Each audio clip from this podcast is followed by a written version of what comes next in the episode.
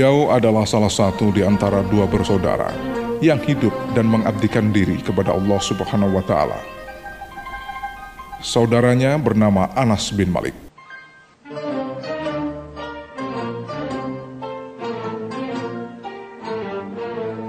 Ibunya, Ummu Sulaim, saat itu membawanya kepada Rasulullah ketika umurnya baru 10 tahun. Rasulullah lalu mencium anak itu di antara kedua matanya, lalu mendoakannya. Doa yang membimbing usianya yang panjang ke arah kebaikan dan keberkahan. Rasul telah mendoakannya dengan kata-kata, Ya Allah, banyakkanlah harta dan anaknya, berkatilah ia, dan masukkanlah ia ke surga.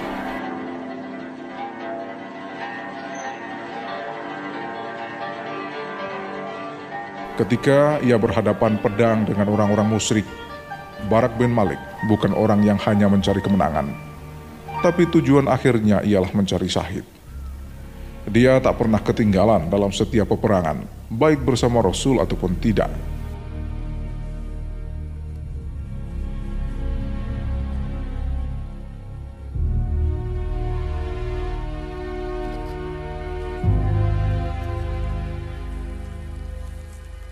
Suatu hari teman-temannya datang mengunjunginya. Ia sedang sakit dan dibawanya air muka mereka lalu berkata, Mungkin kalian takut aku mati di atas tempat tidurku. Tidak. Allah subhanahu wa ta'ala tidak akan menghalangiku mati sahid.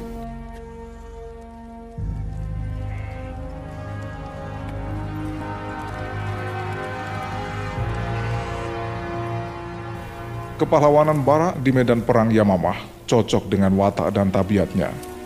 Sampai-sampai Umar bin Khattab mewasiatkan agar ia jangan menjadi komandan pasukan disebabkan keberaniannya yang luar biasa, keperwiraan, dan ketetapan hatinya menghadang maut.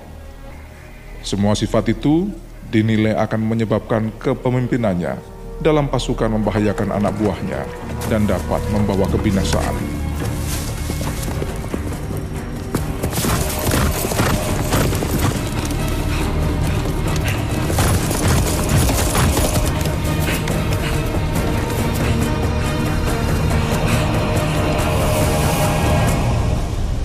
Barak bin Malik berdiri di medan perang Yamamah ketika bala tentara Islam yang berada di bawah komando Khalid bin Malik bersiap-siap untuk menyerbu.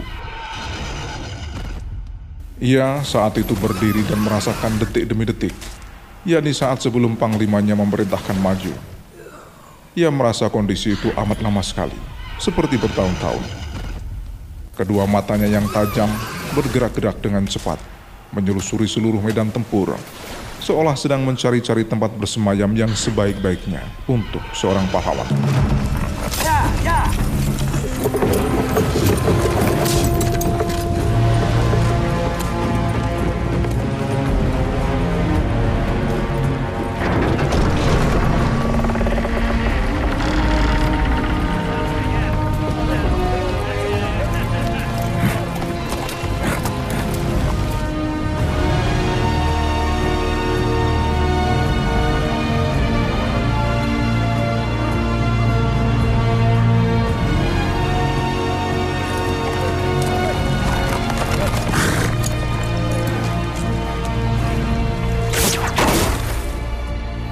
Sesaat kemudian Khalid bin Walid mengumandangkan takbir. Maka majulah seluruh barisan bersatu padu menuju sasarannya.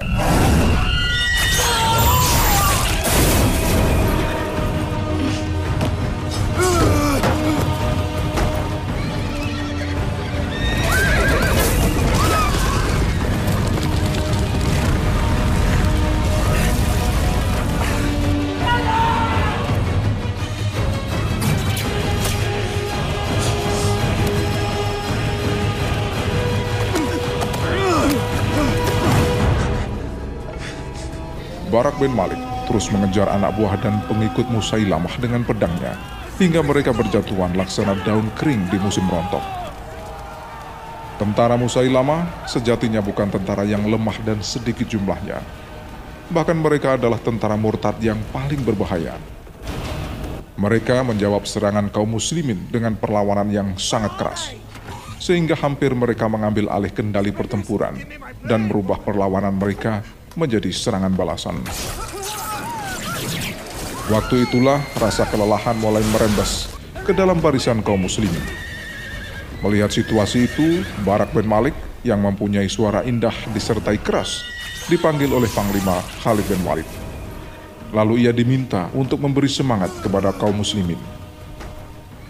Maka Barak bin Malik menyerukan kata-kata yang penuh gemblengan semangat dan kepahlawanan. Wahai penduduk Madinah, tidak ada Madinah bagi kalian sekarang. Yang ada hanyalah Allah dan surga. Kata-kata Barak langsung mendapat tanggapan dari pasukannya. Sejenak kemudian mereka bertempur bagi angin puyuh.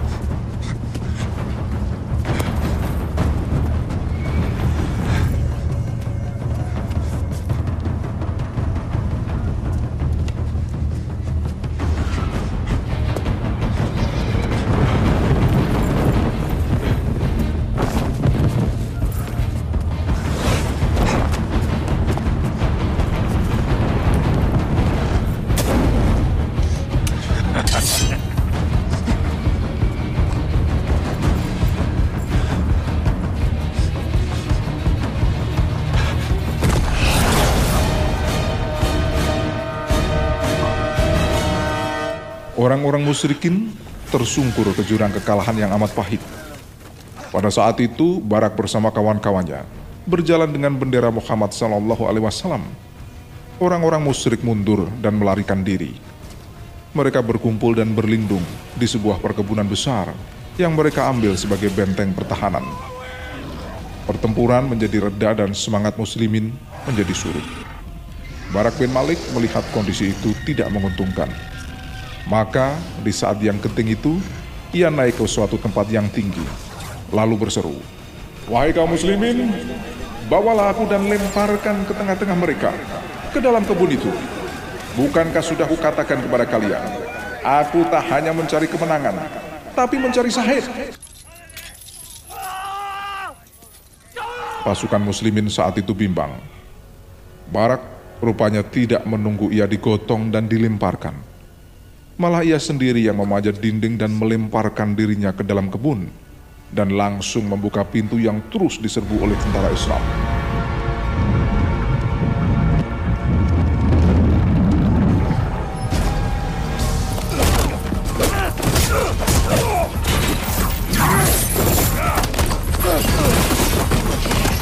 Bersamaan dengan itu, pedang-pedang orang musyrikin melukai dan mengkoyak tubuhnya. Tubuh Barak bin Malik mendapat lebih dari 80 tusukan dari pedang-pedang musyrikin yang menyebabkan ia menderita luka yang sangat mengerikan. Akan tetapi, mimpi Barak bin Malik untuk Syahid belum terlaksana. Tak ada pedang-pedang musyrikin yang sampai mencabut nyawanya.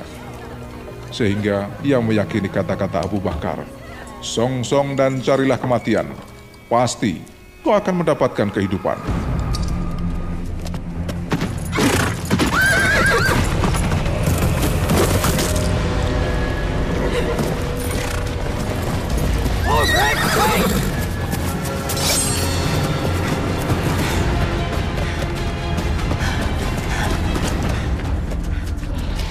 Beberapa bulan kemudian, Barak telah sembuh dari luka-luka perang Yamamah, dan ia maju lagi bersama pasukan tentara Islam yang hendak menghalau kedoliman kerajaan Romawi dan Persia. Penduduk Ahwas dan Persia telah berhimpun pada suatu pasukan tentara yang amat besar hendak menyerang kaum muslimin.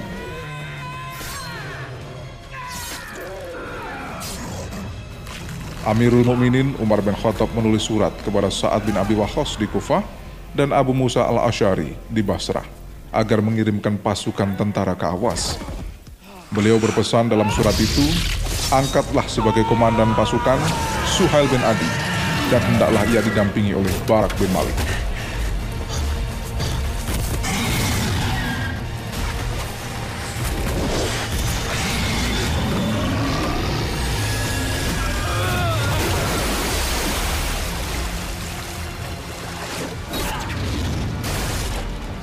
Dan bertemulah pasukan yang datang dari Kufah dengan yang datang dari Basra untuk menghadapi tentara Parsi pada satu pertempuran yang seru dan sangat seram. Di kalangan tentara Islam terdapat dua orang bersaudara, yaitu Anas bin Malik dan Barak bin Malik. Pada perang itu, jumlah korban yang jatuh tidak sedikit, baik dari kaum muslimin maupun kaum musyrikin.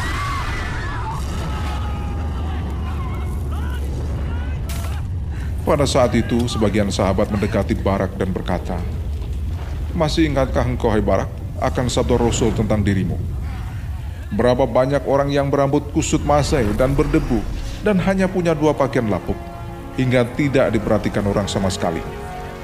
Padahal seandainya ia memohon kutukan kepada Allah bagi mereka, pastilah akan diluluskannya. Dan di antara orang-orang itu ialah Barak bin Malik.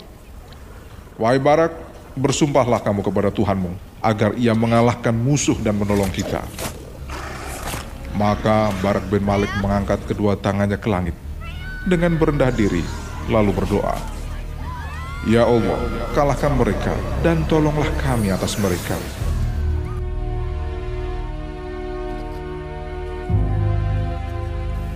Dilayangkan pandangannya kepada saudaranya, Anas bin Malik, yang selalu berperang berdampingan dengannya. Anas paham betul, pandangan itu adalah ucapan selamat tinggal. Lalu, menyerbulah kaum muslimin dengan keberanian luar biasa.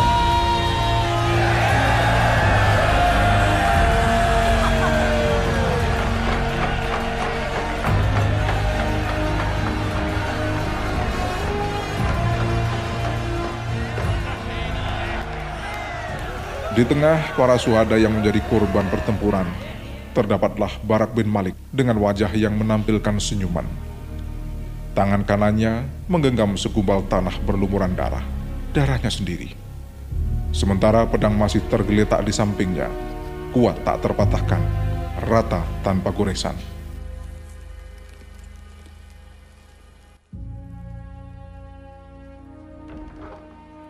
Para sahabat bangga sekaligus merasa iba dan duka musafir itu telah kembali ke kampungnya bersama-sama dengan temannya yang sahid. Ia telah mencapai perjalanan hidup yang agung dan mulia.